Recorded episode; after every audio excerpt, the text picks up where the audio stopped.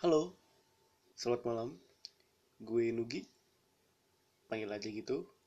Eh, sebagian dari lo mungkin udah pernah baca blog gue di thetraveler.com atau Instagram gue di @nugisuke.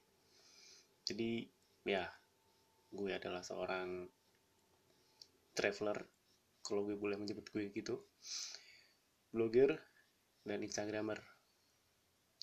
Dan saat ini setelah bertahun-tahun nulis dan juga main Instagram, gue mau coba bikin podcast buat menyalurkan hobi gue yang lain, yaitu ngobrol. Jadi, eh, gue kadang kalau misalnya punya pemikiran atau unek-unek, dan gue kayak saat itu belum menemukan orang yang tepat buat gue tempat cerita, tempat ngobrol.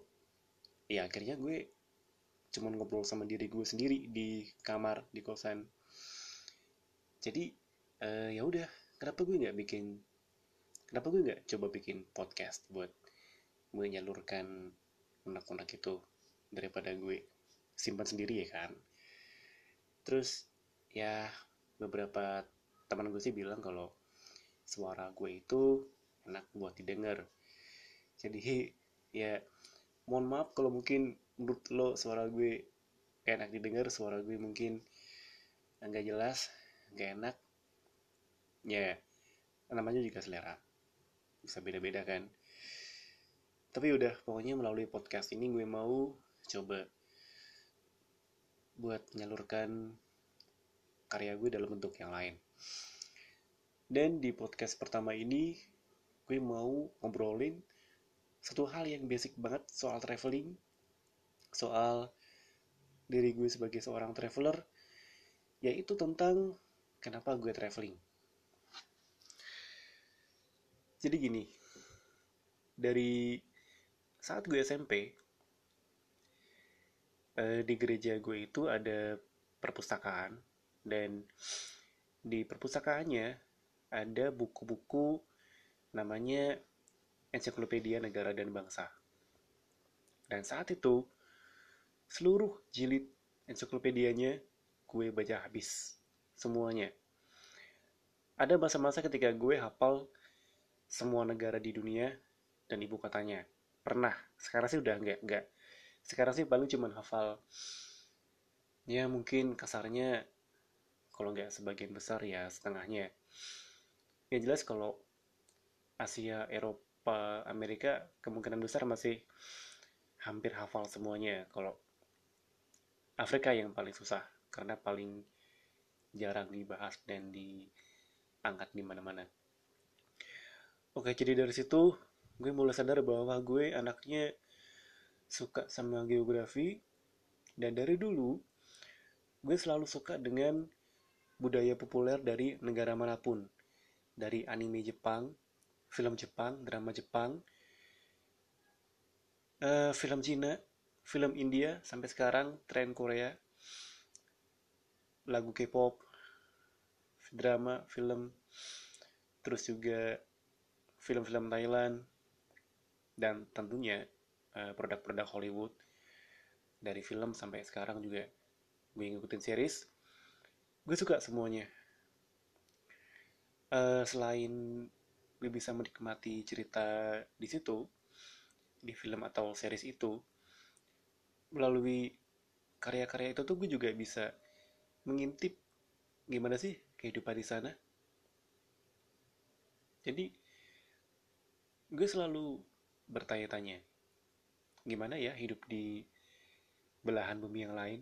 Gimana ya hidup di negara ini, di kota ini. Lalu, uh, gue bukan dari keluarga yang kaya raya. Keluarga gue sangat sederhana, bahkan bisa dibilang miskin. Mungkin sebagian dari lu kalau tahu latar belakang keluarga gue, mungkin bakal mikir, lu ngapain sih gue traveling? Mending lu tabung, mending lu pakai buat ini, mending lu beli ini, mending lu uh, pakai buat keluarga lu dan sebagainya. Well, uh, budget buat keluarga tetap ada, tapi biar gimana pun gue nggak bisa bukan nggak bisa sih. Gue juga punya budget gue menyediakan slot buat traveling. Let's say traveling ini adalah hobi gue. Setiap orang punya hobi. Nyanyi dance apa pun itu. Dan kalau diakumulasikan dalam setahun mungkin jumlah pengeluaran hobi lu di nyanyi di dance atau di apa pun sama dengan pengeluaran hobi gue di traveling. Dan uh, karena gue tahu gue bukan orang kaya raya dan gue suka traveling makanya sebagai timbal baliknya uh, gue pun sehari-hari gue menekan pengeluaran di dalam hal makanan uh, tempat tinggal hiburan. Pokoknya keseharian gue tuh gue tekan sebisa mungkin supaya gue bisa nabung buat traveling. Jadi fair dong. Uh, gue sekali traveling katakanlah habis berjuta berjuta-juta tapi sehari-hari gue hemat. Nah jadi masing-masing punya prioritasnya masing-masing prioritasnya masing-masing. Dan buat gue uh, traveling itu adalah cara gue buat refreshing atau juga buat mengasah apa yang gue suka dan gue bisa. Oke, okay. back to kenapa gue traveling. gue traveling dengan secara singkat karena gue pengen merasakan walaupun sebentar bagaimana hidup di satu kota di satu negara buat gue keindahan adalah bonus. Panorama bagus adalah bonus. Yang gue kejar utamanya adalah pengalaman dan perjalanan. Lo mungkin sama kayak gue lebih menikmati momen perjalanan daripada momen saat di sananya. Karena setiap perjalanan itu buat gue berkesan. Lo mungkin gak suka packing karena ribet gue suka packing. Dan gue suka perjalanan apa pun. Gue nggak terbatas hanya suka pada perjalanan darat. Gue suka semuanya. Dari darat udara atau laut. Tapi gue jarang banget sih naik kapal. Tapi eh, apa pun tipenya apa pun medianya gue suka. Naik bus naik kereta naik pesawat. Semuanya gue suka. Meskipun yang paling gue suka adalah kereta dan pesawat. Eh kenapa suka naik kereta karena perjalanan dengan kereta itu lebih romantis menurut gue menurut gue dan gue suka dengan suara kereta apalagi kereta modern kayak MRT, LRT, monorail, kereta listrik, kereta cepat. Gue suka dengar suaranya dan gue suka dengan bentuk fisik kereta itu. Terus pesawat, mungkin sebagian dari lu pikir, apa sih naik naik pesawat? Bosen tau, gak bisa lihat apa-apa, cuman bisa lihat langit. Well, buat gue, dari momen datang ke bandara sampai mendarat di negara tujuan itu adalah sebuah kesempatan yang gue bisa nge-review banyak hal. Review maskapainya, nge-review fasilitasnya. Jadi misalnya gue pesan makan, uh, nge-review majalahnya, baca-baca majalahnya, dan kalau pas kapainya punya in-flight entertainment juga bisa gue ulas. Terus sampai di bandara tujuan, gue pasti bakal explore bandaranya dulu. Apalagi kalau bandaranya besar dan baru buat gue. Lalu saat di negara tujuannya, di kota tujuannya gue gak ribet buat mencari tempat wisatanya. Tempat wisatanya gue itu ya landmark populer kota itu. Pusat keramaian pusat tongkrongan pusat perbelanjaan eh, kawasan kota tua kawasan gedung-gedung taman danau sungai. Gue ke, ke tempat-tempat gitu aja udah suka ke tempat-tempat ibadah entah itu kuil gereja masjid semuanya gue suka. Pokoknya semua tempat yang membuat gue bisa ngelihat bagaimana warga lokal melakukan keseharian mereka. Kayak tadi yang gue bilang gue traveling karena gue pengen tahu bagaimana kehidupan di kota itu di negara itu makanya tempat-tempat yang gue datengin pun adalah tempat-tempat yang biasa dikunjungi oleh warga lokal di keseharian mereka. Well, sebagian juga pasti bakal gue sempetin datang ke tempat-tempat wisata yang benar-benar wisata. Karena emang itu menarik banget atau ikonik di kota itu di negara itu. Walaupun kadang kalau terlalu mahal gue skip. Karena kembali lagi ke budget. Buat gue bisa menjejakan kaki di kota itu di negara itu aja udah bersyukur banget gue. Apalagi bisa ke tempat macam-macam. Jadi eh, selain ke tempat-tempat umumnya gue juga suka naik angkutan naik transportasi umum mereka makan makanan mereka dan ya puji Tuhannya keyakinan gue nggak membatasi gue buat makan makanan apa pun uh, walaupun gue nggak suka belanja tapi gue selalu ke pusat perbelanjaan karena gue suka melihat bagaimana warga lokal uh, menjalankan bisnis mereka dan beraktivitas di situ.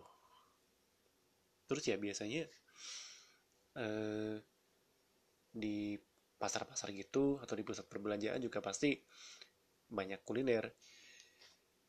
Jadi uh, gue emang nggak fanatik. Gue nggak terpaku sama tempat makan tertentu sama brand tertentu.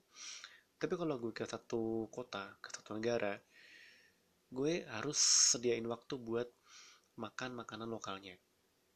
Sedapatnya aja tergantung gue ke mana aja waktu itu pokoknya makan makanan lokal. Gitu. Cuman ya gue juga nggak bisa banyak makan juga sih karena perut gue masih minimalis. Gue eh, sejauh ini paling banyak makan ya makan tiga kali sehari.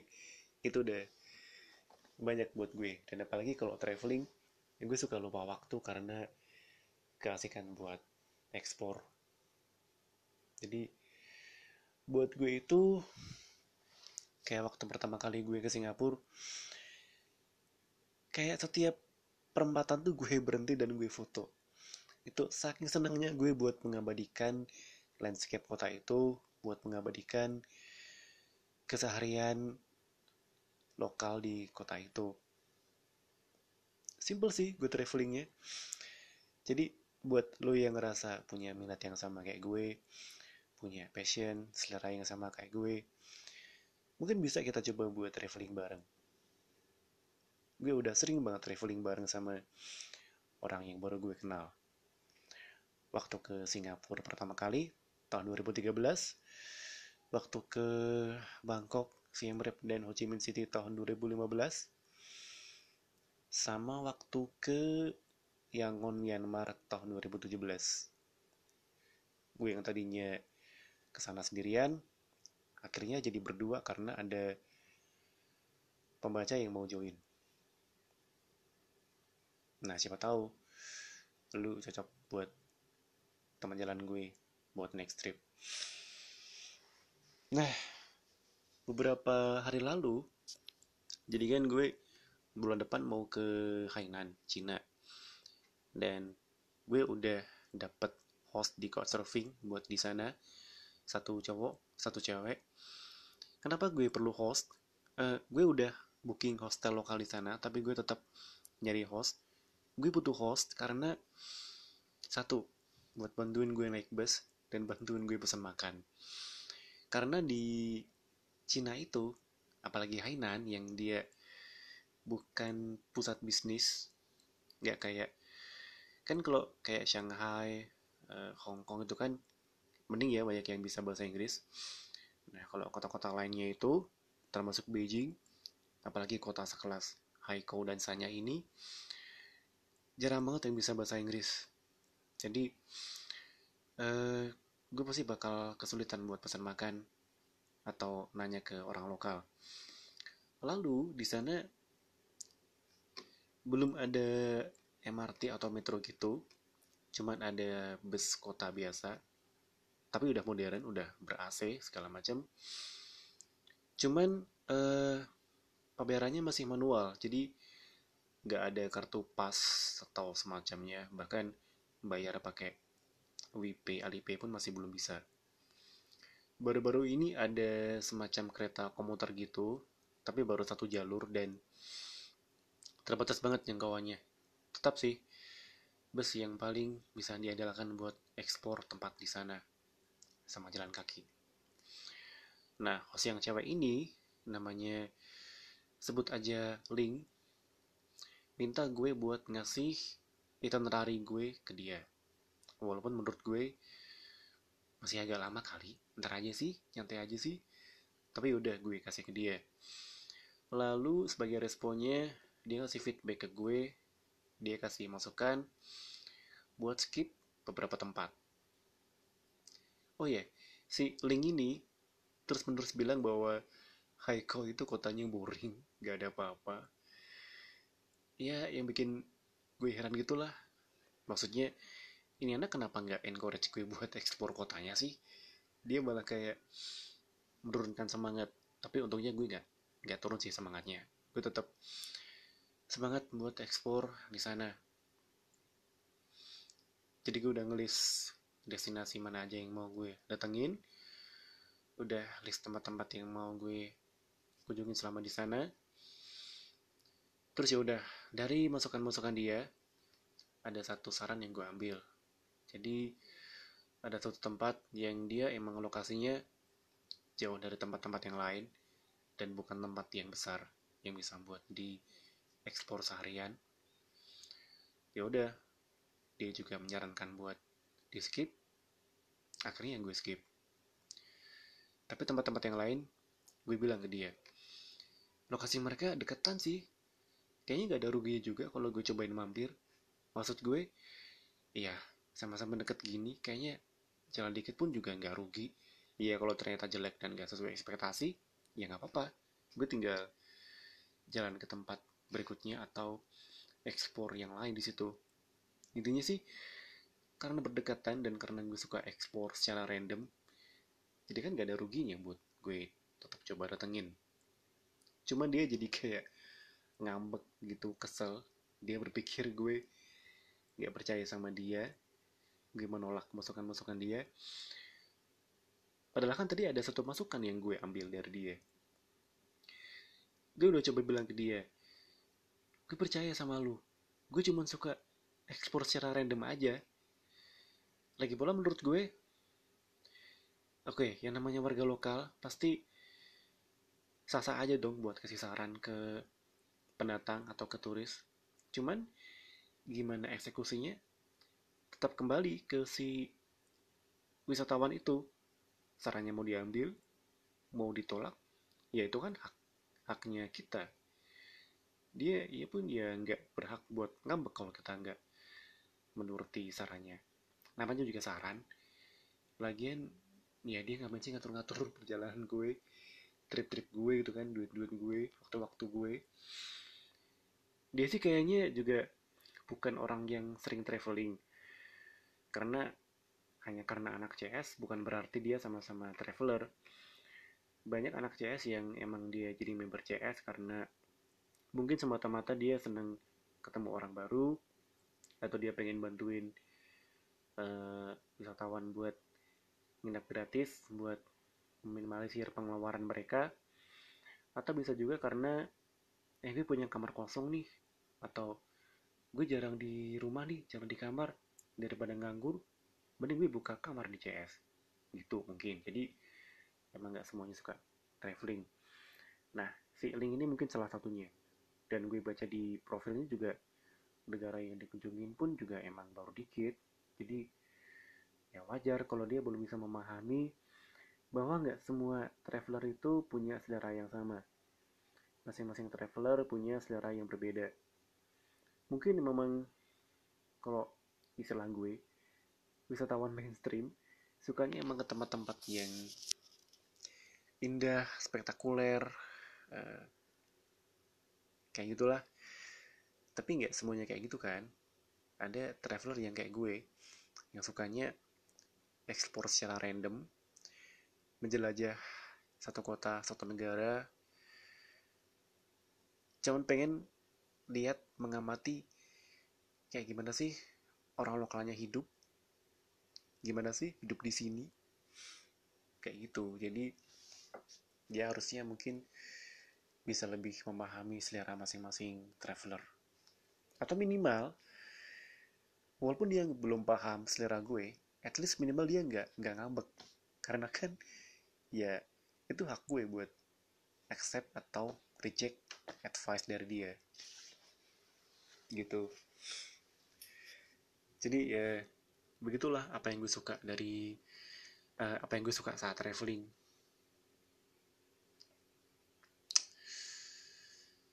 Ya gitu sih. Perkenalan singkat malam ini yang gak kerasa udah lebih dari 20 menit. Oh ya si link tadi itu dia kekurangannya lagi adalah bahasa Inggrisnya nggak terlalu bagus jadi dia pun kayaknya nggak nangkap apa yang gue tulis jadi dia tetap ngambek tapi ya udahlah sekarang udah udah reda lagi karena gue uh, ya bujuk-bujuk dia supaya bisa tetap nemenin gue buat di Hainan besok. Oke, okay, thank you banget buat yang udah dengerin gue sampai kelar. Sorry banget kalau di podcast pertama ini gue masih belum jelas topiknya, ngomongnya belum jelas. Semoga di podcast-podcast berikutnya gue bisa lebih baik lebih teratur lebih enak ngomongnya lebih nyaman buat didengar dan gue bakal share lagi opini-opini gue unek-unek gue soal traveling soal dinamika sosial ya di channel ini oke okay, keep learning by traveling and see you on the traveler.com bye Malam guys, oke, okay. uh, eh, gue balik lagi sekarang karena ternyata podcast gue yang kemarin udah publish di Spotify dan gue jadi semangat buat bikin podcast lagi. Ya, ya ada yang dengerin apa enggak? Gimana ntar? Yang penting uh, podcast gue bisa available di platform yang sekarang lagi tren. Oke, setelah kemarin gue bahas kenapa gue traveling, sekarang gue mau bahas bagaimana gue traveling. Dan segmen bagaimana gue traveling ini karena selama ini hampir semuanya adalah uh, gue lakukan dengan traveling mandiri. Jadi uh, segmen bagaimana gue traveling ini sama artinya dengan bagaimana mempersiapkan dan melakukan solo traveling atau traveling mandiri. Uh, traveling mandiri itu maksudnya lu nggak harus sendiri bisa berdua bertiga berberapa pun tapi semuanya lo lakukan sendiri. Maksudnya lu nggak pakai ah, agentur lu nggak sewa guide segala macam semuanya lo sendiri. Dari booking tiket pesawat pulang pergi booking hotel susun agenda perjalanan eh, nyari tiket transportasi tiket wisata semuanya pokoknya dikelola mandiri. Jadi ini gue sebut sebagai traveling mandiri. Oke. Yang pertama gue anaknya bisa dibilang melek internet pokoknya segala sesuatu yang bisa dilakukan dengan internet bisa dicari di internet ya akan gue lakukan di internet. That's why jujur gue suka gergetan kalau ada orang yang dia nanya terlalu general di grup WhatsApp. Kayak minta sarannya dong hotel rekomendasi di Singapura. Minta saran dong itu nerari di Jepang misalnya atau apa sih syarat visa ke sini gitu I mean kalau gue jadi dia gue akan simply browsing di Google. Kenapa? Karena satu, kalau kita browsing di Google kan uh, source-nya lebih banyak, informasinya lebih banyak, sumbernya lebih banyak, nggak terbatas pada sekumpulan orang tertentu dalam satu grup, apalagi cuman grup WhatsApp, gitu. Cuman uh, gue paham, ada sebagian orang yang dia lebih nyaman buat ngobrol personal, ada sebagian orang yang lebih paham, eh, sorry, lebih nyaman kayak gitu. Dan gak menutup kemungkinan bahwa ada sebagian orang yang dia emang terlalu males buat cari informasi. Bukan karena sibuk kalau sibuk masih bisa dipahami tapi karena males males browsing males ngetik dia mau beresnya aja gak bisa dipungkiri ada beberapa orang yang kayak gitu jadi uh, dari pertama gue traveling Semuanya gue lakukan dengan browsing sendiri. Waktu itu tahun 2013, sama sekali gue belum gabung komunitas traveling apa pun, di platform mana pun, gak di Facebook, gak di forum-forum atau thread, kayak BPI, gak di WhatsApp, kayak saat itu juga belum ada sih WhatsApp.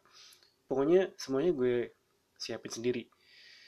Booking tiket sendiri, cari info sendiri, gue biasanya baca-baca blog buat cari referensi tempat wisata. Kenapa? Karena kalau blog itu eh, foto-fotonya lebih otentik, dia foto sendiri dan pengalamannya pun lebih otentik. Di sana ada apa, bisa ngapain aja, dan bacanya juga lebih enak, nggak boring kayak baca artikel. Itulah kenapa buat lo yang rajin baca blog gue, gue pun mengemas blog gue dengan cara bercerita enggak dengan cara artikel iya sebagian kecil kayak artikel-artikel intisari kayak tips uh, itinerary panduan transportasi emang pasti bakal gue kemas lebih ke artikel meskipun tetap ada sentuhan personal karena gue pengen ketika lu baca blog gue lu kayak dengerin gue ngobrol nggak kayak lu baca artikel membosankan dari surat kabar atau majalah jadi itulah kenapa. Jadi semuanya gue lakukan sendiri. Dari booking tiket pesawat, booking hotel, cari informasi tempat wisata, sampai susun itinerary. Oke, kita bahas dari yang booking tiket pesawat.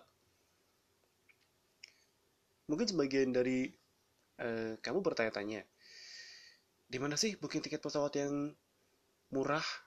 Sebenarnya gak ada jawaban yang sama dan pasti karena masing-masing maskapai itu punya periode promonya sendiri-sendiri dan uh, bisa dibilang sekarang juga setiap bulan setiap waktu ada aja promosi dari masing-masing maskapai promosi dari masing-masing OTA OTA itu singkatan dari online travel agent yang dimaksud OTA adalah kayak Traveloka, tiket.com, pergi-pergi, uh, Wigo, nah itu namanya OTA.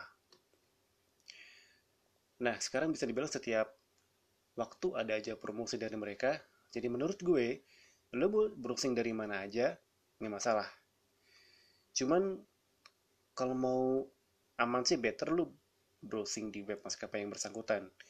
Jadi kalau gue biasanya gini, gue akan pakai OTA atau Skyscanner buat nyari kira-kira maskapai mana yang di tanggal itu buat destinasi itu tiketnya oke okay. setelah gue dapet nah kadang gue emang langsung booking di kotanya sendiri kalau emang lagi ada program promo atau harganya lebih murah tapi biasanya gue langsung buka web maskapainya dan gue booking dari situ uh, sejauh ini paling sering adalah AirAsia Nah, apalagi gue adalah membernya AirAsia. Jadi kalau gue semakin loyal booking di webnya AirAsia, gue semakin dapat banyak poin namanya Big Miles kalau di AirAsia. Masing-masing maskapai punya program loyalty-nya masing-masing.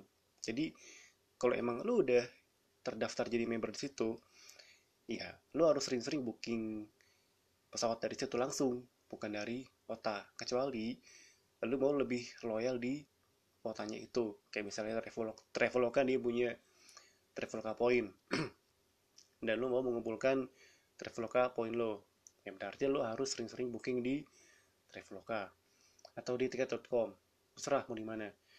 Pokoknya menurut gue masalah booking pesawat maskapai ini bukan hal yang tricky atau yang harus disiasati banget sih. Kayak semuanya gak terlalu signifikan kalau buat gue.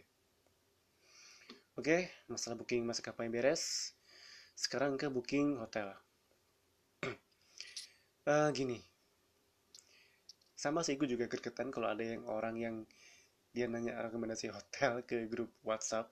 Karena menurut gue source-nya terbatas banget. Lo tuh lo punya preferensi sendiri buat hotel. Karena masing-masing orang itu kan bakal beda e, budgetnya berapa. Terus tipe hotelnya gimana juga bakal beda. Lu mau ke mana aja di kota itu di negara itu. Itu akan menentukan lu sebaiknya stay di hotel mana? Makanya dari dulu kalau gue nyari hotel gue lebih suka nyari hotel sendiri. E, biasanya buat ke luar negeri gue pakai booking.com karena booking.com ini jaringannya lebih luas pilihan akomodasinya lebih beragam ada hotel ada hostel. Jadi kalau lu mau traveling ke luar negeri eh, yang lu pakai ya kota internasional kayak booking.com atau agoda traveloka masih terbatas jaringannya. Jadi kalau buat hotel internasional belum terlalu oke okay. kecuali lu mau kompromi dengan eh, keterbatasan itu. Di let's say lalu nggak terlalu masalah sama budget yang penting lo bisa pakai di Traveloka. Nah gue cari di booking.com gue mau ke mana tanggal berapa berapa orang terus kan bakal kelihatan tuh hasilnya gimana ada hotel apa aja yang available di tanggal itu nah terus gue bakal sortir dari yang paling murah ke paling mahal. Nah, gue buka-buka yang dia murah dan skornya itu oke. Okay. Jadi kalau di booking.com itu di sisi kanan nama hotel ada skor. Gue pilih yang kalau bisa di atas 8. Kalau emang misalnya di kota itu kebetulan jarang banget hostel yang di atas 8, kayak pas di Hongkong kemarin, ya udah gue turunin sedikit eh, standar gue jadi di atas 7 nah setelah hotel-hotel yang murah dan bagus itu gue buka satu persatu gue lihat eh, satu kondisi hotelnya sama kamarnya gimana apakah nyaman? Apakah bersih? Rapi? Apakah instagramable? Menarik buat difoto? Apakah ada sarapan? Ada apa aja fasilitasnya? Terus setelah semuanya let's say katakanlah oke okay, gue lihat lokasinya. Karena kan di masing-masing kota ada peta yang disematkan. Gue cek petanya lokasi hostelnya.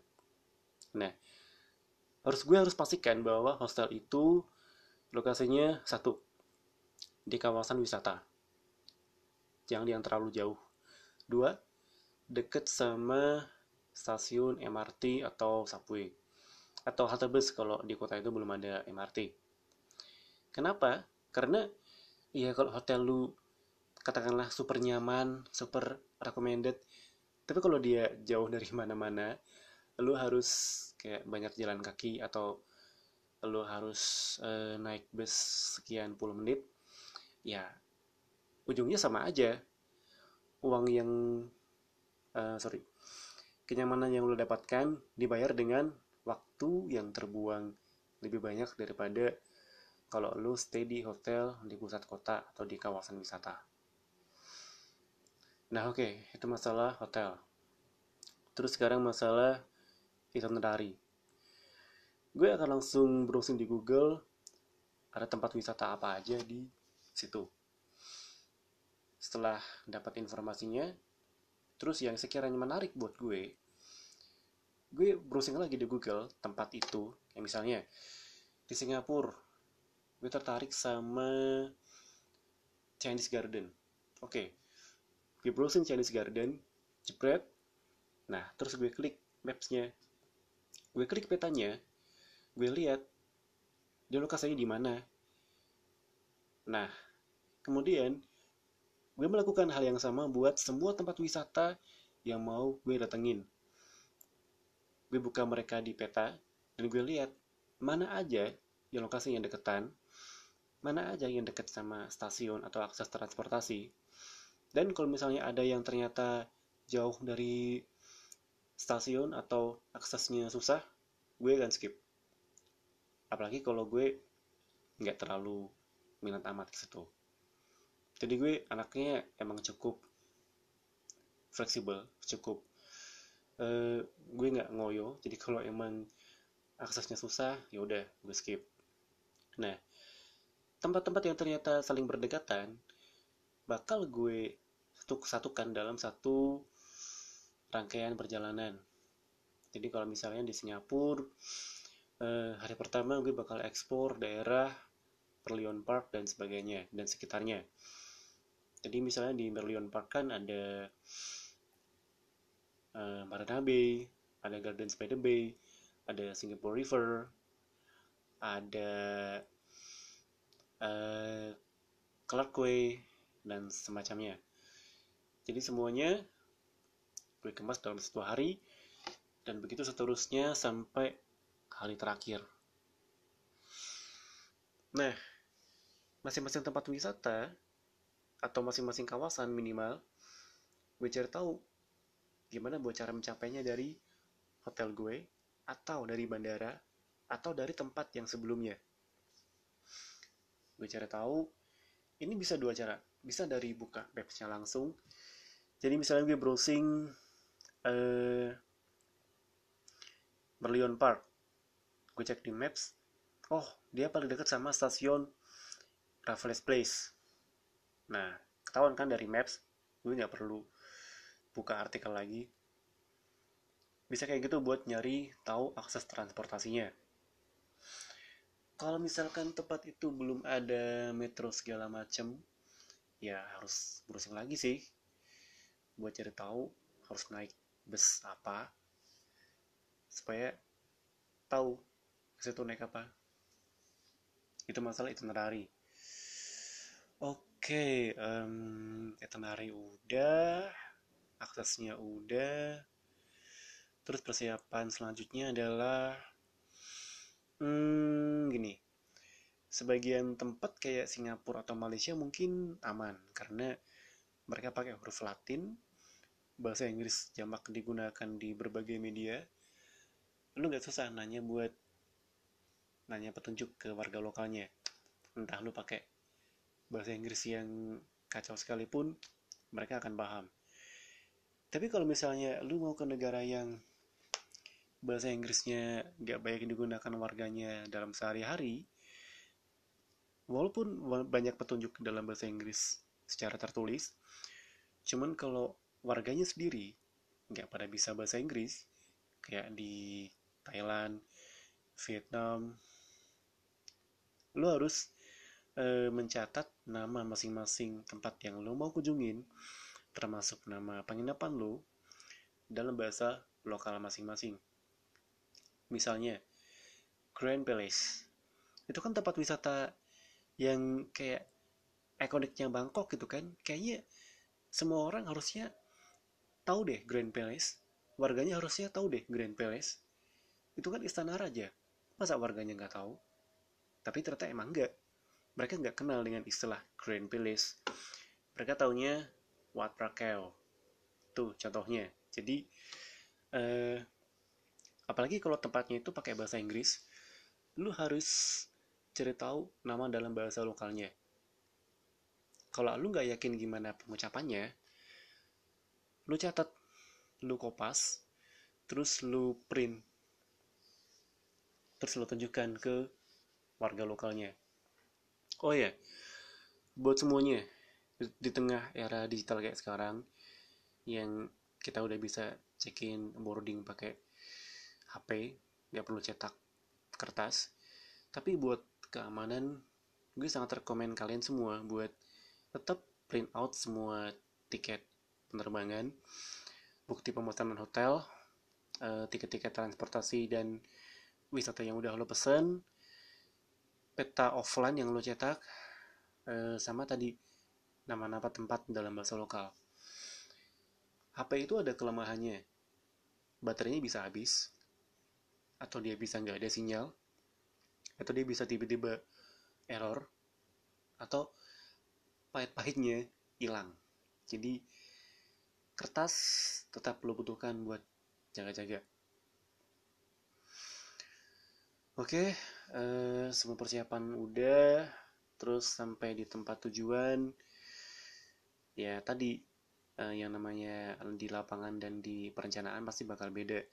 Jadi nggak usah heran kalau ternyata eh, kenyataan di lapangan berbeda dengan kenyataan uh, dengan perencanaan lu.